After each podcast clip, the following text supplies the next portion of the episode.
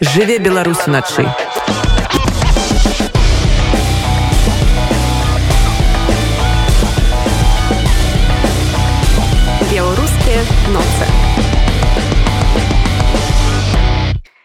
ольга сямашка ля мікрафона а сярэйнер за гукарэжысёрскім пультам. Вы на беларускай хвалі радыонеты бліжэйшыя дзве гадзіны пра Беларусь па-беларуску.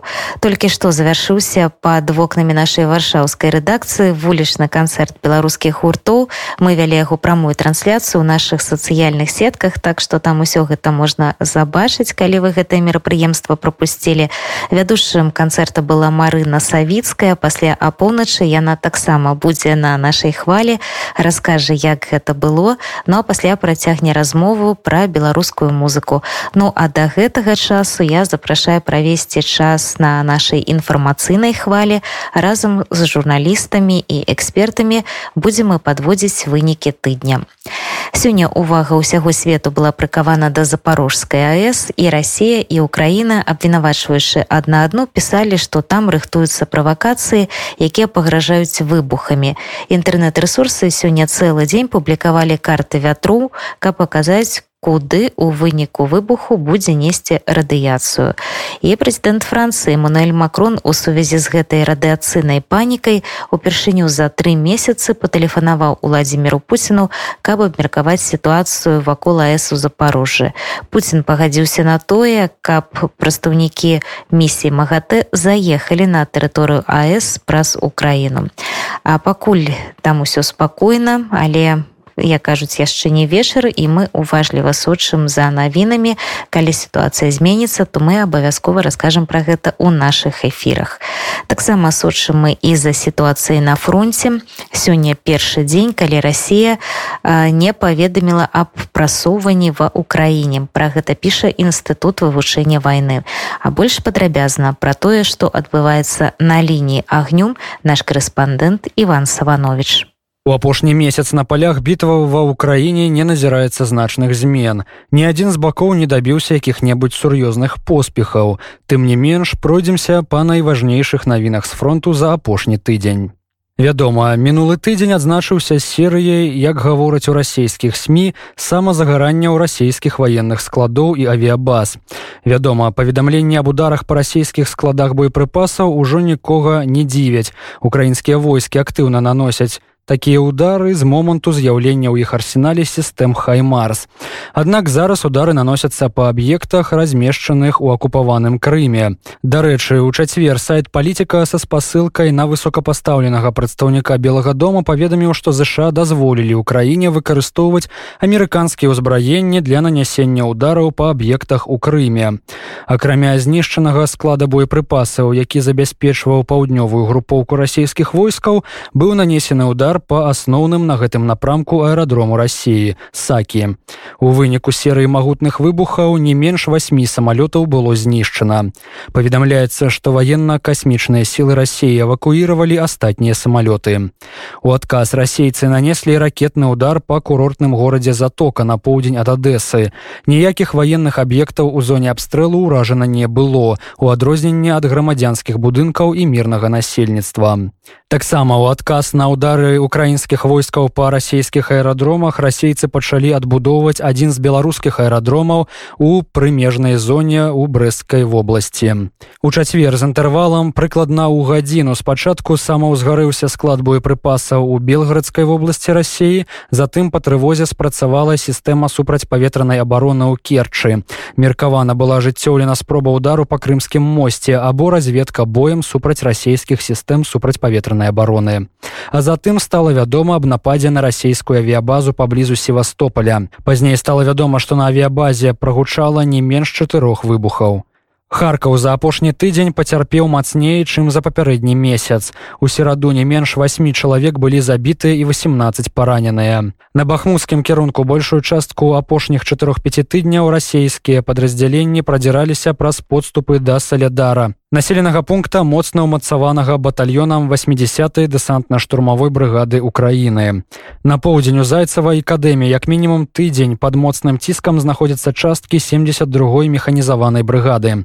Варта адзначыць, што расійскія войскі заяўлялі аб узяцці зайцава ўжо 4 ці 5 разоў. Такім чынам хуткага наступу расійскіх войскаў на бахмут у них не атрымалася. Складаная сітуацыя для украінскіх абаронцаў складваецца на лініі фронту ў раёне Данецка. Федэральныя войскі ўзмоцнена абстрэльвалі і штурмавалі населеныя пункты нью-йорк, аўдзеюка, пяскі, краснагораў, камар'енка і гэтак далей. Зараз першыя два яшчэ трымаюцца, аднак праблема ў тым, што расійскія войскі ўклінваюцца паміж імі, ужо захопленыя навасёлаўка і вопытная. Таксама трывожная сітуацыя складваецца ў Навамихайлаўке. Гэты населены пункт атакуюць з двух напрамкаў усходу і поўдня. Больш за тое сепаратысты, напэўна, выйшлі на дарогу, якая злучае Навамихайлаўку з паўлаўкай і далей на паўднёвы захад. Іншымі словамі расейцы зараз прарываюць адбываюцца праз лепшыя ўкраінскія ўмацаванні ў гэтым раёне. Накірунку паўднёвага запорожжа сур'ёзных змен няма, калі не лічыць таго, што расійскія войскі мінуюць падыходы да ўсіх сёлаў уздоўж лініі фронта. Наш корэспондэнт Іван Саванович сачыў за тым, што адбываецца на ўкраінскім фронте на працягу тыдня і зараз гэта быў яго агляд ад украінскай тэмы мы не адыходзім.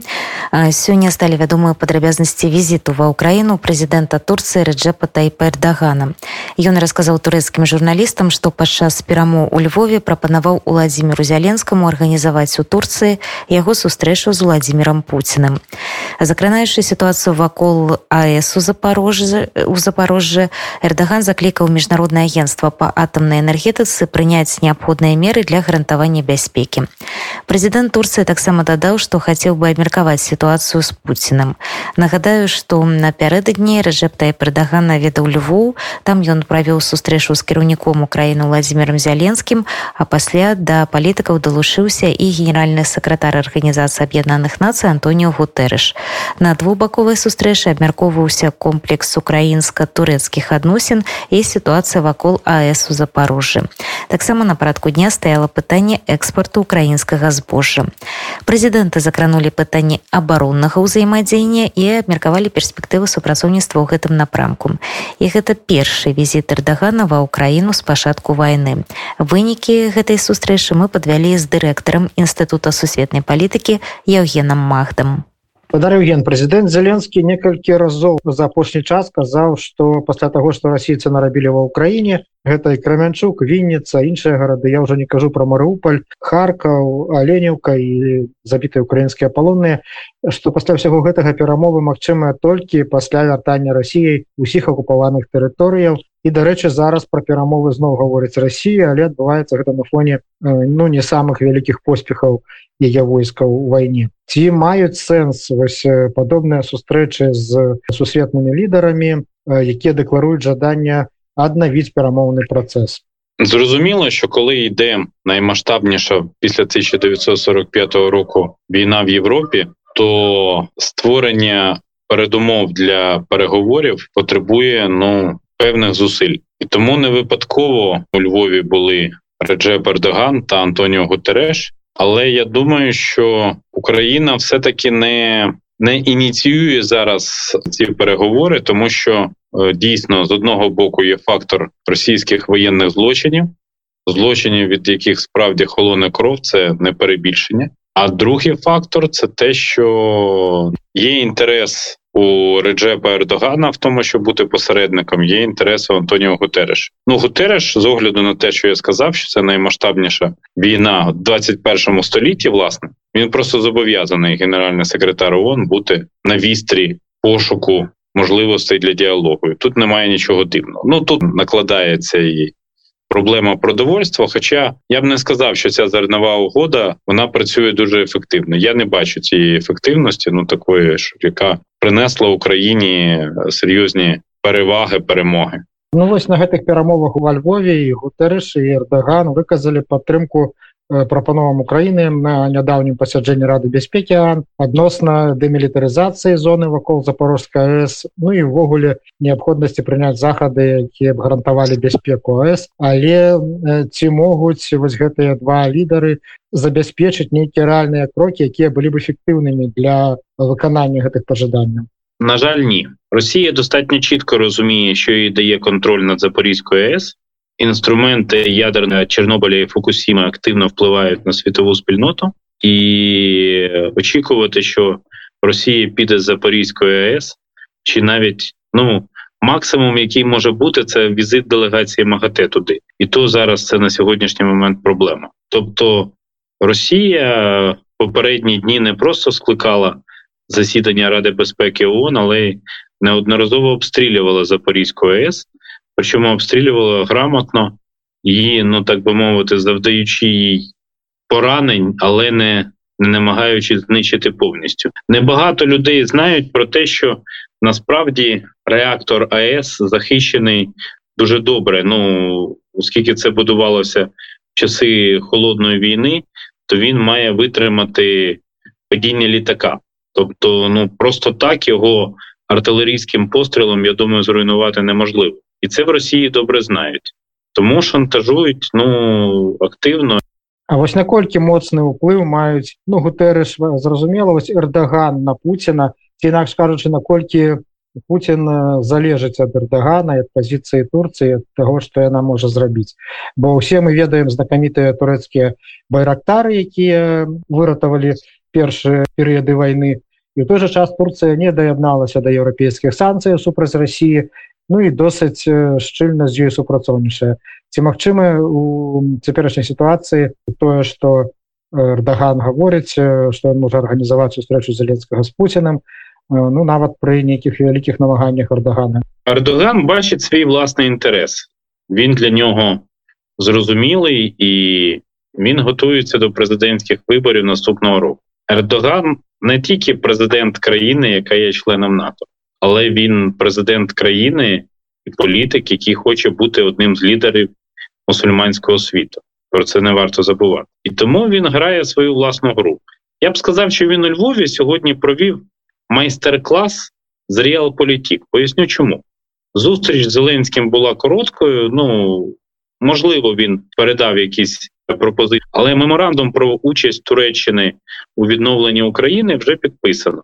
Тобто Туреччина, е, фірми, якої мають досвід участі в великому будівництві, вона фактично, ну скажімо, вже бореться за те, щоб це були реальні, ефективні її передумови, і ну не очікуючи завершення бойових дій. Тобто, доки Європейський Союз все таки чекає. Туреччина не чекає. Це дуже показово. Я хотів би даведацца наколькі Путін залежыць ад эрдагана наколькі эрдаган можа паўплываць вось менавіта на Пуціна вось усіх сваіх гэтых добрых намаганнях якія ён абвяшчаў який би Путін не був геополітичним мачо йому все одно потрібні люди з якими він веде діалог ну інакше перед ким він буде демонструвати свою велич перед Медведєвим, ну це смішно. Ердоган, я думаю, це чітко розуміє. Тому е, дійсно Туреччина не приєдналась до санкцій проти Росії. Е, російські відпочивальники активно їздять на турецькі курорти, а товарообіг між Росією і Туреччиною став рекордним в першому півріччі за низку останніх років. Тому це все реальні серйозні речі. Тобто, Ердоган показує Росії, що ми вам не вороги, ми готові бути для вас посередниками. Але ж при тому разом з тим, е, турецькі військові беруть участь в Рамштайні, в проєкті Рамштайн. Дійсно, Туреччина постачає байрактари, але і в Росію байрактари постачає. Ну така от е, турецька реалполітік, і він зараз Туреччина почала операцію з розширення зони безпеки Сирії. Туреччина, на мій погляд, грає у власних інтересах, і це абсолютно зрозуміло. Ну, ось я так розумію, ви вже закранули гэты мемарандум про адбудову Украіны паваенную ці вядома ці альбо як вы лічыце гэта будуць нейкія інвестыцыі турэцкія ці просто засваенне той дапамогі якая абяцаная Україне рознымі там сусветнымі структурамі і асобнымі краінамі Ну по-перше меморандум сам формат він передбачає це ну так би мовити е, добрі наміри а не конкретику а по-друге я думаю що Туреччина зараз намагатиметься завести і залишити ну там відома будівельна фільма зараз в Україні і продовжує будувати дороги в межах великого будівництва. Ну там завершуючи очевидно якийсь проєкт. Тому ну, говорити рано, але те, що Туреччина в певному сенсі обігнала країни Європейського союзу, це достатньо цікаво. Ну і калі казаць про а наколькі ёсць рэальныя вагачы ўплыву аан на Россию вось у справе бяспекі запорожска с і вяртання украінскіх палонных про што сёння размаўляў зяленскі з гутэршем справа повернення українських полонених взагалі дуже чутлива тому що їх всього кілька тисяч і це не тільки захисники Азовсталі але до захисників Азовсталі найбільша суспільна увага тому що ну цей епізод російсько-української війни був і дуже драматичним. Але зверніть увагу, що Росія намагається здійснити судилище над захопленими Азов. Я не хочу зараз е, нагнітати ситуацію, але я припускаю, що Росія може навмисне загострити цей процес, і оскільки він буде відбуватися на території Донецької області, розповісти про так звану юрисдикцію, так званої ДНР, яка передбачає смертну кару. Далі я не хочу розвивати. Я думаю, що наші слухачі достатньо зрозумілі, е, зрозуміють із цього і можуть зрозуміти, до яких наслідків можуть призвести смертні вироки, наприклад, командира оборони Азовсталі, після того як українській спільноті, українському суспільству нагадають, що президент дав їм наказ фактично ну, сказав, що вони мають право скласти зброю, і їх життя буде гарантоване. Тобто, це теж елемент, про який не варто забувати. А що стосується Запорізької АЕС, то перспективи насправді ну проблемні, тому що ну з Чорнобильської АЕС росіяни пішли, тому що у них не було іншого виходу, так чи інакше їх просто звідти видушили. А ситуація в Запорізькій області поки що не настільки сприятлива. Ну е, звичайно, що хотілося б, щоб це було здійснено звільнення збройним шляхом, але на сьогоднішній момент впевнено про це говорити зараз. Ну а наколькі на гэта все може паўплываць організація Абінальних націй і ось особисто Генсек? Вона не може на це вплинути, тому що, ну, по-перше, ми ж говоримо про окуповану Донецьку область, і це жодною мірою не член Організації Об'єднаних Націй так звана ДНР, це ж зрозуміло. По-друге, Гутереш це чиновник, який посідає власну посаду. Так, чиновник міжнародний. Яка у нього мотивація рватися і сваритися з Росією? От яка? Він що? Стане після цього третій термін генеральним секретарем ООН? Ні. Отримає Нобелівську премію миру? Ну, таке, знаєте, поки що сумнівне припущення, які які в нього мотиви, які які вибори його очікують? От в чому проблема. У нас трохи викривлене сприйняття Організації Об'єднаних Націй в цьому контексті, що ми вважаємо, що вона всемогутня. Ні, вона давно не всемогутня, і вже понад 30 років дискутують про необхідність її реформування, і вона стане ще більш очевидною після завершення російсько-української війни калі б вы вось подвялі так каротка вынікі сустрэчы э, что дасягнута что не дасягнута і які плён будзе для Украіны ад вось гэтай сустрэчы во Львове Я не бачу на жаль що Україна в цьому питанні грає першим номером я маю на увазі саме в дипломатичних процесах але вона безумовно грає першим номером в питаннях військових якщо ми згадаємо риторику українських офіційних осіб березня-квітня і згадаємо нинішню, то ми помітимо, наскільки вона відрізняється. Тобто, нам треба, ну я не кажу чекати неймовірно довго, стільки, щоб це було можливо. Але ми маємо ми маємо розуміти, що зараз порядок денний перемовин і умови перемовин створюють сили оборони України, їхні успіхи, і від них на сьогоднішній момент залежить найбільше. З дырэктарам інстытуту сусветнай палітыкі Яўгенам Магдам абмяркоўвалі мы вынікі візіту прэзідэнта Турцыі Рэжэпа Тайпа Эрдагана і генсека Ан Антонія Гутырыша ў Львоў і вынікі іх сустрэч з Владзімірам Зяленскім. А вось прадстаўніка Святланы Ціханаўскай Валерыя Кавалеўскага ва ўкраіну не пусцілі, ён не змог уехаць туды першага жніўня. Памежнікі вырашылі, што палітыка недастаткова падстаў для такога візіту ў Кіў. Па словах Кавалеўскага ён спецыяльна не расказваў пра гэтую гісторыю бо чакаў калі сітуацыя праясніцца і знойдуцца шляхі для вырашэння першага жніўня ехаў у краіну вяртаўся ў офіс у Киеве для працягу працы в Украіне. І у мяне быў звычайны пакет папер было ўзгадненне з СБУ было запрашэнне ад депутата Верховнай рады. Все то як звычайна. І памежнікі просто сказалі што не бачаць дастатковых пастаў для майго знаходжання ва ўкраіне я ім прадстаўляю там і іншыя тлумачэнні чым я займаюся в Украіне хто я такі каго я прадстаўляю. А вось ну але ім гэта падалося недастаткова і таму яны вырашылі што мне трэба трэба вярнуць назад у Польшу была вынесена пастанова пісьмовая я не ставілі ніякіх штампаў мне пашпарт это было просто адмова на заезд. Гэта здарылася не ўпершыню такія сітуацыі здараліся і раней яны вырашаліся пасля дадатковых нейкіх намаганняў і спробаў а гэтым разам я не стаў рабіць гэтых намаганняў тому что мне просто ўжо будет дэфіцыт часу. Тому я вярнусь вільню тому что там павінна была адбыцца канферэнцыя і ўжо часу просто не ставала на тое каб займацца гэтым пытаннем больш шчыльна ці магчыма зрабіць нейкі такі документ ну такі умоўны мульціпас з дапамогай якога ў будучыні можна пазбегнуць таких сітуацый? І калі гэта магчыма то что для гэтага патрэбна? Ну таких документов не існуе просто. І тут ну звычайны набор документаў гэта можа быть дыпламатычны пашпарт якіх на жаль у нас няма. Ці гэта могло быць посвідка на знаходжанне в Украіне ВНЖ якога мне таксама не было тому что я яшчэ не выбыў свои 180 дзён в Украіне таму такой патрэбы не был на вялікі жаль до гэтага часу не знайшлі нейкіх рашэнняў гэтае пытанне з украінскімі уладамі неаднаразова гэтае пытанне ставілася каб пазбегнуць падобных сітуацый Ось, але скажем так пытанне было ну, у працэсе разгляду. Ну, пакуль не знайшлі яго рашэння то такія сітуацыі не выключаліся. Не выключаліся насамрэч і украінскімі уладамі ну, было такое разуменне что сітуацыя складаная что гэтыя правілы для беларусаў сталі больш жорсткімі. Пасля пачатку войны на беларусаў глядзяць по-іншаму іх асаблівы спрос. Ну вось так і атрымалася что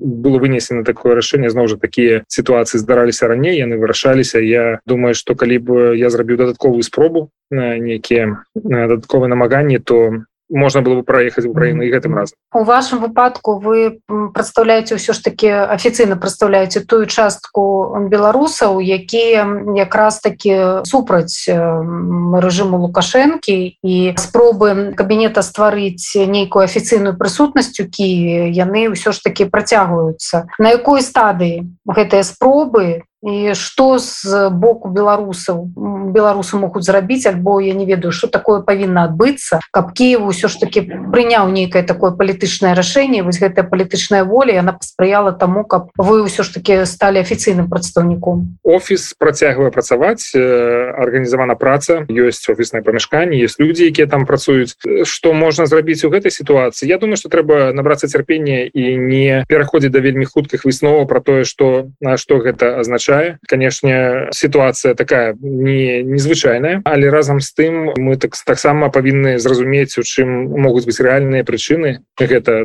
Во всякім разе да гэта часу не было ніякіх сігналаў ці афіцыйных паведамленняў для мяне про тое что гэтая сітуацыя не вырашальная наадварот гаворыць про тое что ну, гэта пытанне трэба разобрацца з ім Вось, так что ну тут тут просто трэба набрацца цярпення і не драматызаваць сітуацыю я адмыслова з, з першага жніўня гэтую інфармацыю не выносіў медыа для того каб зразумець якія могуць быць прычыны гэтага здарэння бо калі про гэта заявляць публічна і гучна то ніколі не ведаеш ці гэта табе дапаможа А ці насамрэч наробіць шкоды і табе і ўсім іншым і паставіць нейкае становішча можа няёмкае нават украінскія ўлады Таму ну вось так яно выйшло у публі публічную прастору пасля стрыма з украінскім палітолагам. Але зноў жа я б тут перш-наперш імкнуся зразумець что адбылася і ці гэтая сітуацыя вырашальная. Ну і зараз якія ваши далейшыя дзеянні? Бо з таго часу ўжо амаль два тыдні прайшло я так разумею яшчэ нічога не высветлілася. Тым не менш вы будете працягваць спробы павярнуцца ва ўкраіну так Ну, Украіна для нас абсалютны знешнепалітычны прыярытэт вельмі спадзяюся што будзе такая магчымасць вярнуцца на сённяшні дзень у сувязі з тым што сфармаваны аб'яднаны пераходны кабінет цяпер у мяне новая пазіцыя якая магчыма вымусіць нас зрабіць нейкія рашэнні бо весці такую паўнавартасную працу з з Киева по па ўсім міжнародным кірунку кабінета было б непросто нават нават праз такую даволі складаную лагістыку каб выехаць з Киева вярнуцца ў Киев. Акрамя таго праца у праца побач са Светлана ціхановская кіраўніком кабінета яна найбольш эфектыўная калі знаходзішся побач. Тым больш ну, у Светланы ціхановскай гэта вельмі важный складнік вельмі важны кірунак у дзейнасці штодзённай. Таму паглядзім якія могуць быць яшчэ дадатковыя рашэнні по гэтым пытанням пакуль загадваць рано до гэтага часу все застаецца нязменным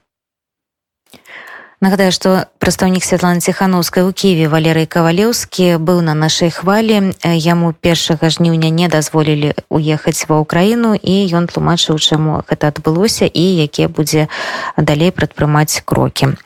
Стала вядома, што са складу палка каліноўскага выйшаў батальён тэрор. Кіраўнік падраздзялення з пазыўным варах быў звольнены з узброеных сіл Украіны і адпаведна з палка. Частка байцоў, якія не пагадзіліся з гэтым рашэннем, таксама былі адасоблены адступлены ад палка з захаваннем за сабой назвы падраздзялення тэрор. А эм, раней на гэтым тыдні батальён заявіў, што будзе ствараць свой уласны тэлеграм-канал, дзе будзе публікаваць інфармацыю у хвіліны вольнай ад тэнафікацыі і дэмілітарызацыі ардынскай напасці. Сам жа пол каліноўскага на гэтым тыдні заявіў, што пакуль ніводная палітычная сіла не прапанавала ім канкрэтнага плана. У палку адказвалі на пытанні пра супрацоўніцтва з цэнтрамі беларускай беларускай апазіцыі і ў прыватнасці пракаментавалі магчымыя стасункі з сябрам кабінета Святланы ціханаўскай адказным за нацыянальную абарону валерым сахашчыкам прадстаўніца полка Крысціна Чабор пракаментавала і рашэнне каліноўцаў не ўдзельнічаць у форуме новая Беларусь Пасля афіцыйнага паведамлення палка наконт таго, што яго прадстаўнікі не прымаюць удзел у працы канферэнцыі новая Беларусь, якая адбылася ў вільні 8-9 жніўня, да нас паступіла вельмі шмат пытанняў наконт прычын, чаму полк прыняў рашэнне не дэлегаваць сваіх прадстаўнікоў на гэты форум. Даводзім, што пол каліноўскага з'яўляецца вайсковым падраздзяленнем у складзе ўзброеных сіл Украіны і выконвае баявыя задачы на фронте. На парадак дня канферэнцыі новая Беларусь пытанні, якія непасрэдна датычацца вайсковай справы не выносіліся. Эта канферэнцыя не планавалася як профільны вайсковы форум. Па гэтай прычыне полк вырашыў не прымаць удзел у канферэнцыі новая Беларусь. Падкрэслім. Пол каліноўскага ніколі не адмовіцца ад сваёй стратэгічнай мэты вызвалення Беларусі. Удзел палка ў вызваленні Украіны гэта шлях да вызвалення Беларусі. Падчас работы канферэнцыі быў сфармаваны аб'яднаны пераходны кабінет, які павінен абараняць суверэнітэт і незалежнасць Беларусі і забяспечыць транзіт ад дыктатуры да дэмакратыі. Таксама былі прызначаны чатыры самых важных прадстаўніка кабінета, сярод якіх і ваенны міністр. Нашы падпісчыкі цікавяцца, якое станаўленне палка каліноскага да падпалкоўніка запасу паветрана-дэсантных войскаў былога камандзіра 38 брэскай дэсантна-штурмавой брыгады валерыя сахашчыка, які будзе адказваць за абарону і нас бяспеку. Рабіць абгрунтаваныя высновы аб кандыдатуры ваеннага міністра можна будзе толькі тады, калі ён прадставіць пэўную праграму канкрэтных дзеянняў па абароне суверэнітэту і забеспячэнню нацыянальнай бяспекі Беларусі. На падставе агульных заяў, якія прагучалі на канферэнцыі меркаваць аб тым, наколькі удалы ці неудалы выбар кандыдатуры на гэтую сур'ёзную пасаду немагчыма. У нас запытваюцца, якая з палітычных сіл Беларусі уяўляецца палку каліноўскага на больш сур'ёзнай і з кім каліноўцы бачаць перспектывы цеснага супрацоўніцтва ў будучыні. Пол каліноўскага гэта людзі. Зразумела, што кожны баец мае права на свае погляды і таму можа падтрымліваць ідэі розных палітычных партый і рухаў. Галоўнае, што ўсе ваяры аб'яднаны агульнай мэтай вызвалення Беларусі. Мы рухаемся да гэтай мэты вельмі канкрэтным шляхам. Выконваем баявыя задачы, замагаючыся на украінскай зямлі з нашым агульным ворагам рассеяй. Пакуль што ніводная палітычная сіла не прапанавала канкрэтнага плана дзеянняў па вызваленні Беларусі ад унутранай і знешняй акупацыі, на падставе якога можна было б казаць аб блізкасці нашага бачання сітуацыі і спосабу яе вырашэння.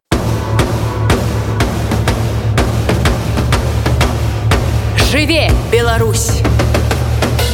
Ольга сямашкалі мікрафона нагадаю што вы на беларускай хвалі радыонет і гэтым пятнічным вечарам расказваем мы пра асноўныя падзеі гэтага тыдня. Узгадваем мы і падзеі двухгадовай даўніны бо 16 жніўня адбыўся 16 жніўня двадцатого года адбыўся самы вялікі матч пратэсту ў беларусі. Колькі там было чалавек сёння сказаць цяжка. Самая маленькая лічбу прагучала ад беларускіх ад беларускай міліцыі. Яны налічылі там каля 50 200 тысяч чалавек ну а самі э, пратэстанты кажуць што іх было не менш за 400 тысяч. І гэта толькі ў мінску адной з адметных рыс таго і наступных маршаў быў удзел у іх авангардзе вядомых спартсменаў нават людзі якія не цікавяцца спортам тады даведаліся пра кацярыну сныціну і алену леўшенко константина якулева і сашу герсеменю і менавіта гэтыя людзі сталі увасабленнем барацьбы спартсменаў з дыктатурай гісторый. Гэты рух пасля ператварыўся ў аб'яднанне вольных спартсменаў і фонд спартыўнай салідарнасці, якія дагэтуль працягваюць у сваім накірунку змагацца супраць рэжыму ў мінску. Мая калега Алена прыходзька пагутарыла сузаснавальнікам аб'яднання Александром апекіным пра вынікі двух гадоў барацьбы і пра будучыню. Ну, гэта не зусім як бы было такое эмацыйнае рашэнне як бы ўсё ж таки пасля лета двадцатого года гэта быў перыяд калі трансфармавалася беларускае грамадства то бок вось літаральна там за некалькі тыдняў мы атрымалі зусім іншае грамадства дзе ўжо былі запатрабаваны пэўныя інстытуты дзе ўжо вялікую ролю павінна была адыгрываць грамадзянская супольнасць і стварэнне э, новых ініцыятыў стварэння новых фондаў стварэння новых арганізацый. Это як бы была такая эволюцыйная прыступка беларусаў і вось рашэнне пра стварэнне гэтых арганізацый там ініцыятыў яно як бы ну як бы было таким натуральным. Это не было такое что на эмоцыях нешта. Ну, зразумела что эмоцыі конечно былі як бы былі такія грамадскія працэсы гістарычныя па сутнасці. Ось і ў гэтыя перыяды гістарычныя звычайна ствараюцца арганізацыі ствараюцца парты ствараюцца грамадскія рукі якія увогуле як бы змяняюць усю хаду гісторыі краіны Мне здаецца что роля 2020 года яна ў гісторыі як бы яшчэ канешне будзе пераасэнсавана і адназначна гэта адзін з самых найважнейшых ці можа найважнейшы гістарычны момант для беларусаў вось на пачатку 21 стагода Таму вось рэчы які адбываліся і фонд спартыўнага салідарнасці гэта ну такая невялічкая дэталь як бы ва ўсім гэтым вялікім працэсе але атрымалася так что гэта невялічкая дэталь на мой уласны погляд таксама як бы на погляд там іншых на меркаванні іншых экспертаў гэта невялічкая дэталь она все ж таки ператварылася у значную частку беларуска пратэста у значную частку як бы увогуле ўсяго гэтага эпасу беларускага. Таму я і кажу что тое что атрымалася з фондом спорта гэта таксама як павінна яшчэ атрымаць гістарычную ацэнку як бы что ну сапраўды гэта была такая унікальная сітуацыя унікальная там у параўнанні з тым что адбывалася ў іншых краінах нідзе ў свеце такого не было.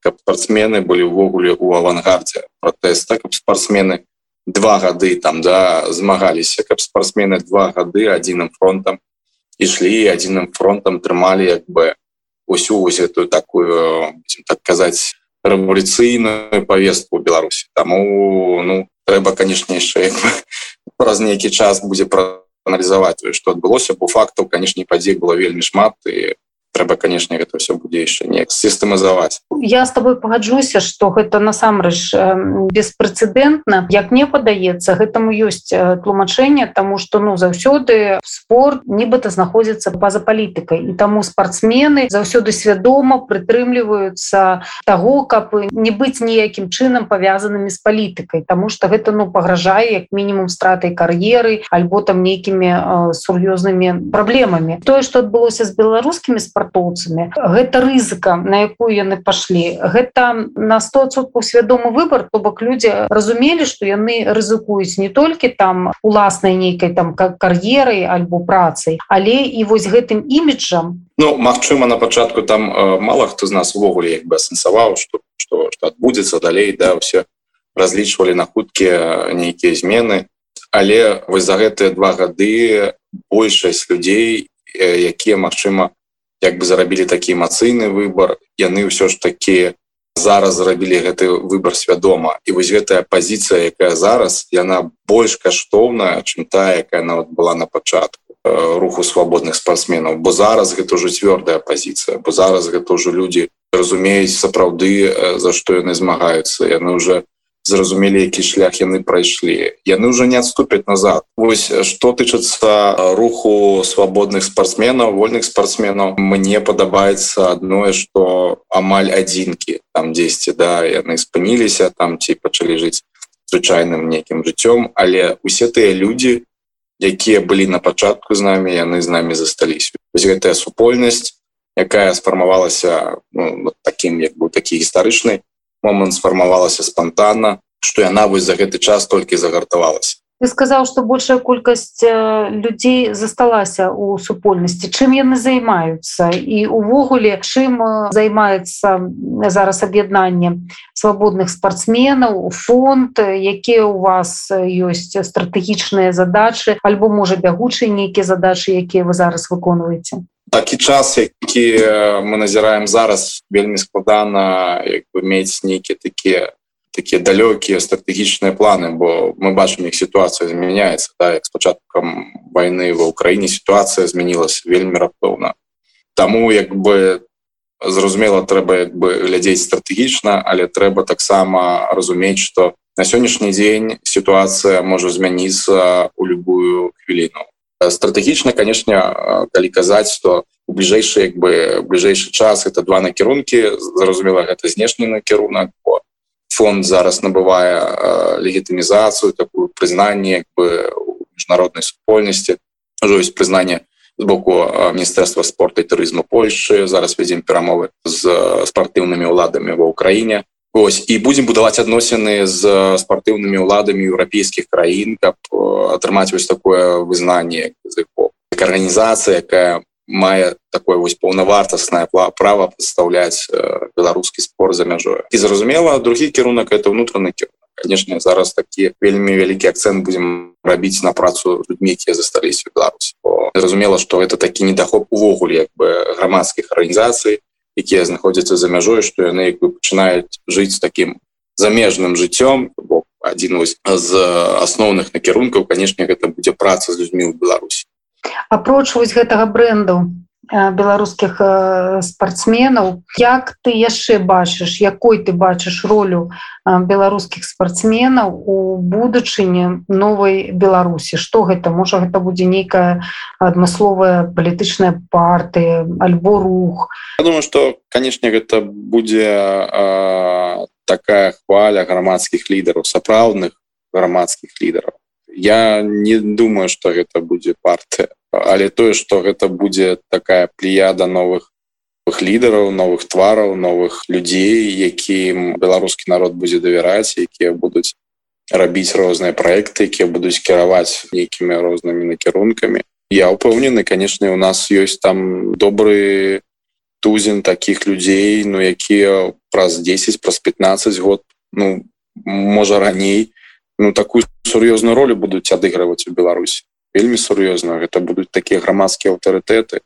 Бачу конечно что як мінімум мы за вось за гэтыя два гады мы добра падрыхтаваліся. У нас як бы падрыхтаваліся такія моцныя лідары на бліжэйшую будучыню якія змогуць грамадства за сабою павесці якія змогуць як утрымаць краіну у такой дэмакратычнай парадыгме. Таму як бы я спадзяюся вельмі на гэтых людзей і яшчэ ў працяг спартыўнай тэмы. У мінулую нядзелю у варшаве адбыўся футбольны турнір на знак салідарнасці з футбалістам палітвязнем александром івуліным. Спаборніцтва арганізаваў беларускі дом. Пераможцам кубку івуліна стала дружына фонда спартыўнай салідарнасці за якую іграў легенда айчынага футболу александр хацкевич і лепшы бомбардзір чэмпіяната беларусі 19 -го года а цяпер гэта ігрок польскага ракува ля шкурын падрабязней пра турнір роман жданович пагаварыў з арганізатарам спаборніцтва антосем лагвінцом і гульцом каманды пераможцы кубку былым футбольным арбітрам віталём анехімоўскім ідэя з'явілася на пачатку лета. Было заранее як бы вядома что 10 жніўня александр вулін будзе адзначаць свой юбілей 30годдзе ну і хацелася яксьці павіншаваць яго з гэтай з гэтай нагоды. І лепшая ідэя якая мне прыйшла ў галаву было арганізаваць такі турнір сярод каманд у мяне былі сувязі з некаторымі камандамі я ведаю што можна будзе сабрацца там першапачкова думаю 6 8 10 команд собраться пагуляць у адным месцы развесіць сцягі зрабіць здымачкі і атрымаць там добрую атмасферу але калі мы запустили форму рэгістрацыі разам беларускім домам у пачатку ліпеня колькасць каманд набіралася вельмі імкліва. І спачатку турнір павялічыўся до 12 удзельнікаў пасля ўжо до 16 мелі яшчэ одну каманду на запасе на выпадак калі нейкія іншагароднія каманды не даедуць. То бок атрымалася сабраць за месяц 16 каманд і некалькі запасных з ўсёй польшчы. Это было нечаканасцю ці патэнцыйна разумелі што можна сабраць ажно столькі людзей? Патэнцыйна я разлічу кажу што я меў дамоўленасці уступныя да яшчэ аб'яўлення турніру з тым жа беластокам з іншымі гарадамі. І думаю што будзе 8 я разлічваю на 8 але гаворка ішла хутчэй пра беларускай дыаспоры у польльшы ці нейкія арганізацыі напрыклад. У меня быў контакт з некаторымі людзьмі э, і я ведаю некаторых э, так сказать футбольных э, аматараў которые не супраць былі бы ў гэтым паўдзельнічаць і я думаю что нас збярэцца так э, я разлічваю шчыра кажучы на 8 команд. а але так вельмі імкліва пачала ісці рэгістрацыя што я было 8 каманд я ўжо хацеў аб'яўляць што рэгістрацыя за, за, закончаная.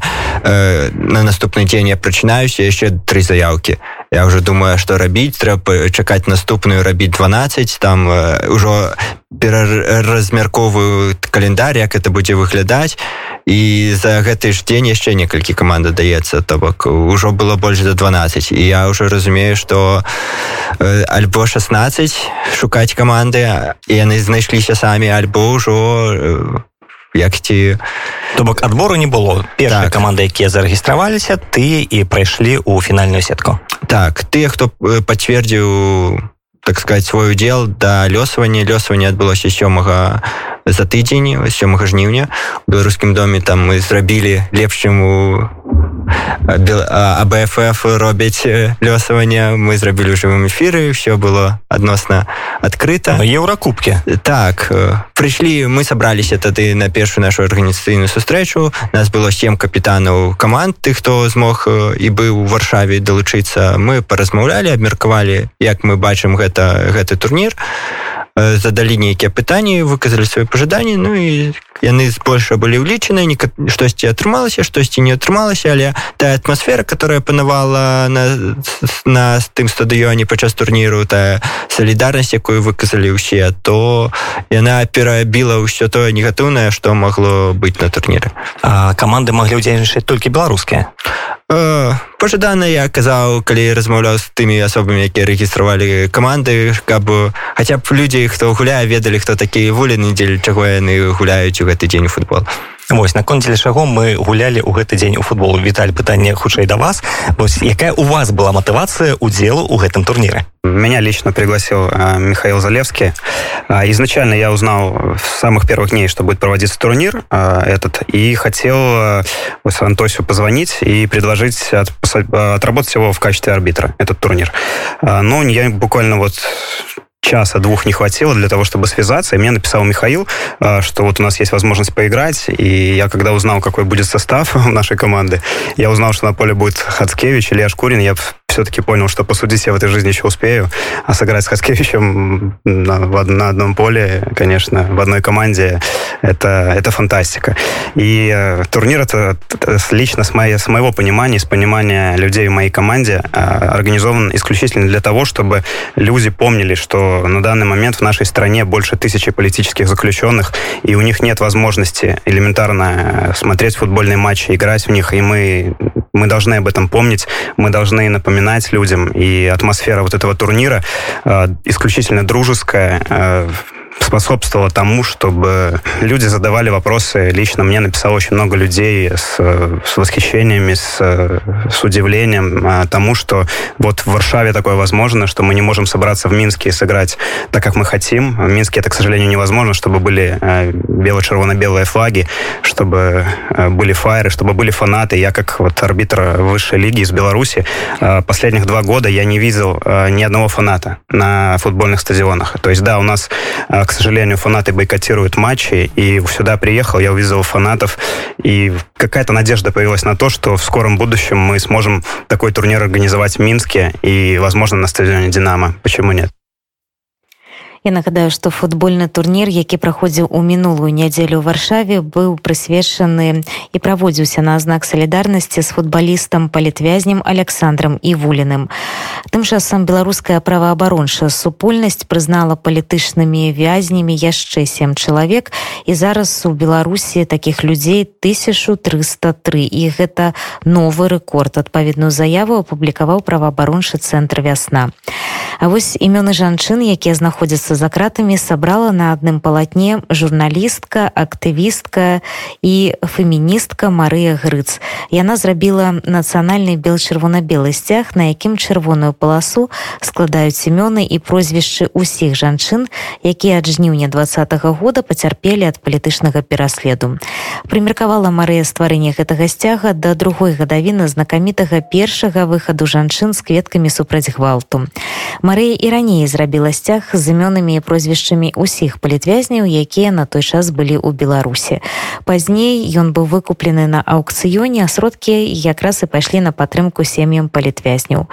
Про тое як это было што натхніла на стварэнне жаночага сцяга і якім яна бачыць ягоны лёс Марыя грыц расказала майму калегу андрусю гаёваму Марыя распавядзіце што паштурхнула вас на тое каб э, зрабіць ну яшчэ адзін сцяг бо мы ведаем што ўжо адзін такі сцяг з палітвязнямі вы вырабілі яшчэ будучы ва ўкраіне. І вось зноў я зрабіла яшчэ адзін сцяг тому что вось хутка бы мусіла быць гадавіна першага вялікага жаночага маршу які пачынаўся з акцый актывістак і э, это все пераросло так даволі стхільна ў марш. Вялікі там былі сотні жанчын якія далучыліся які побачылі ў сМ что адбываецца каля камароўкі і кінулі свае хатнія справы свае працы яны прыїджалі грамадскім транспартам на таксі літаральна беглі каб паспець далучыцца да акцыі і там было настолькі шмат людзей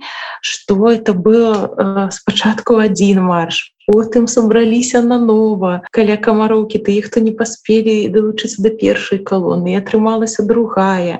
Это был немавер вызначыла эм, дальнейшы рух пратэстаў. Але праз два гады мы бачым что пра жанчын сталі значна менш гаварыць. І цягам гэтых двух гадоў нават з'явілася ідэя что э, жанчыны все сапсавалі кшталту мірны пратэст.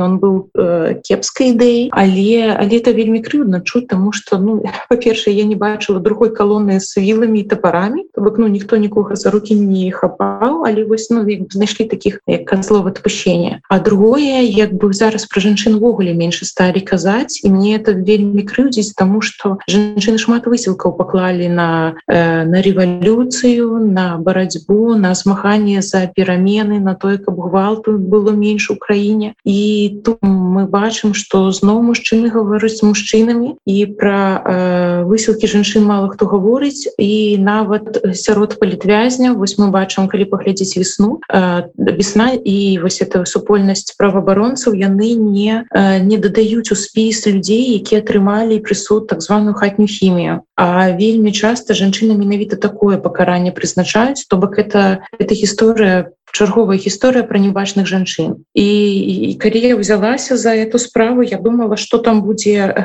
э, каля ста імёнаў я была вельмі ўражаная тому что э, вось на дзень калі я писала это было 588 асобаў. Это нашмат больш чым я думала чым напэўна хто заўгодна думае калі думаю пра жанчын які пацярпелі ад крымінальнага пераследу. Там не толькі тыя хто атрымаў хатнюю хімію але і тыя хто знаходзіцца э, у калоніях тыя хто э, яшчэ чакаюць. То бок это усе жанчыны якія пацярпелі ад крымінальнага пераследу пра якіх вядома праваабаронцам А вось адкуль у цябе была эта інфармацыя? Тому что калі ёсць спіс палітвязняў то там ну ён як бы ёсць і там можна задаць у пошуку знайсці ўсіх жанчын.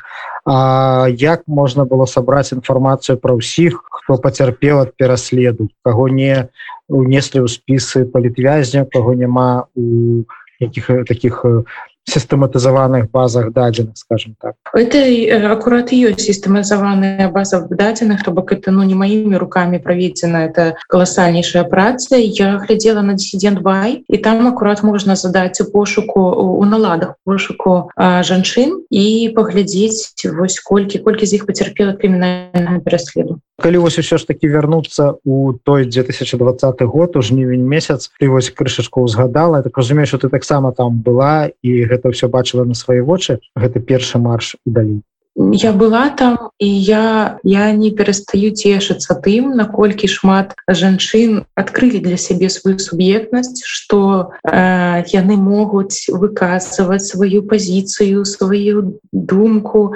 адстаивать свае перакананні что э, ніякія спрэчкі не мусяць э, вырашацца гвалтам. І на э, на той дзень на 12 ўжо было вядома про трайковскага першага загінулага і это не боль я памятаю наколькі это было дарэчна і своечасова калі жанчыны выйшлі і вось гэтая пагалоска потым выходзілі жанчыны не толькі ў мінску у розных гарадах і нават э, мястэчках. Это было это была такая з'ява усе беларуская.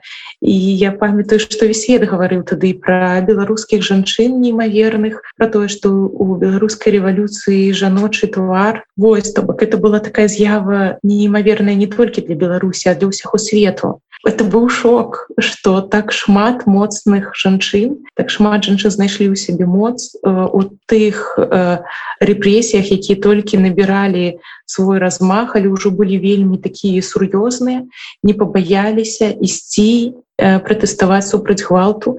Я памятаю колькі я там бачыла жанчын у якіх былі дзеці. Я напісалі плакаты что кшталту у мяне дома чакае трое дзяцей няўжо вы мяне схопіце за тое что я супраць гвалту? Ну і мы памятаем что як бы э, з цягам часу жаночыя маршы пачалі э, разганяць так жа моцна як і усе іншыя. Вось калі ўлада ўжо зразумела што жанчыны маюць суб'ектнасць што жанчын шмат что это не нейкая придумка думка на один раз. Вось то бок это это драматычны лёс. Як вось ты лічыш калі бы ну, мы памятаем что адбылося 9 10 11 і калі бы вось тады першы раз так масава выйшлі не жанчыны а выйшлі ну мужчыны альбо выйшлі там усех хто можа як бы рэагавалі сілавікі? Ці быў бы такі вынік? Потому что фактычна у гвалт спыніўся і нават той караю там нешта выбачацца спрабаваў менавіта вось пасля гэтых жаночых маршаў. Мы бачылі за гэтыя хады некалькі прыкладаў чым сканчваецца э, грамадскі пратэст калі людзі ідуць са зброяй. І вось нядаўні э, прыклад Казахстан краіны якая таксама у полі інтарэсаў рассеі мы бачылі колькі колькі там было крыві колькі там было ахвяраў. І это просто не укладаецца у галаве что люди выйшлі пратэставаць і іх не пачулі і